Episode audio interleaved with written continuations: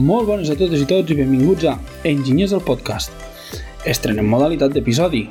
Actualització normativa, on volem apropar-vos de forma resumida a aquelles novetats que us puguin ser d'afectació. Avui repassarem les novetats més destacades en matèria energètica que s'incorporen al Real Decreto Ley 20 2022 del 27 de desembre de mesures de resposta a les conseqüències econòmiques i socials de la guerra d'Ucrània i de suport a la reconstrucció de l'illa de la Palma. Som-hi! Article 3 es manté l'IVA del 5% en contractes elèctrics de potència contractada igual o inferior a 10 kW, sempre que el preu mitjà aritmètic del mercat diari corresponent a l'últim mes natural al període de facturació hagi superat els 45 euros megawatt hora. També es manté aquest 5% d'IVA als contractes elèctrics perceptors del bo social. Seguint amb contractes, segons l'article 4, fins al 31 de desembre de 2023 no es podrà suspendre el contracte elèctric, de gas i d'aigua a consumidors vulnerables, molt vulnerables o en risc d'exclusió social.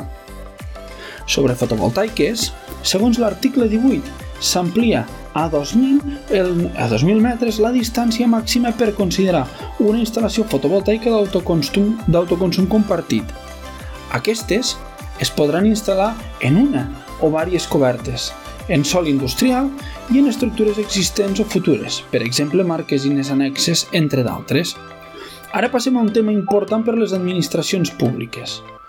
Segons l'article 20, es prorroga fins al 30 del 6 del 2023 la vigència de l'article 30 del Real Decret 14-2022 que indica que les administracions públiques podran realitzar procediments de contractació negociats sense publicitat en projectes per la millora energètica dels seus edificis i instal·lacions.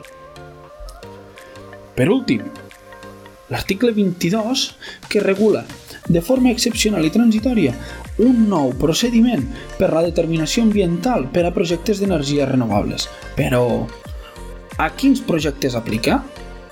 Doncs aquells respecte als quals els promotors presentin una sol·licitud d'autorització administrativa d'aquelles previstes en l'article 53 de la Llei 24-2013 davant de l'òrgan competent des de l'entrada en vigor d'aquest Real Decret i fins abans del 31 de desembre de 2024 si, si el procediment ja el teniu en tràmit, seguirà regint per la normativa vigent en aquell moment i no li serà d'aplicació aquest nou procediment.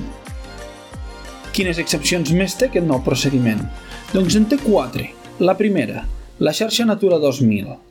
La segona, els espais naturals protegits definits per l'article 28 de la Llei 42 2007. Els tercers, projectes en el medi marí. Quarta i última, línies aèries amb voltatge superior a 220 kV i longitud superior a 15 km. Cal remarcar que aquest procediment només serà d'aplicació a l'Administració General de l'Estat i als seus organismes públics.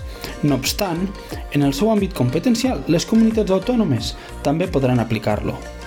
També sobre aquest nou procediment d'autorització ambiental, remarca que la, de, la declaració d'urgència en aquells projectes competència de l'Administració General de l'Estat implica la reducció a la meitat dels terminis establerts, a excepció dels de presentació de sol·licitud i recursos.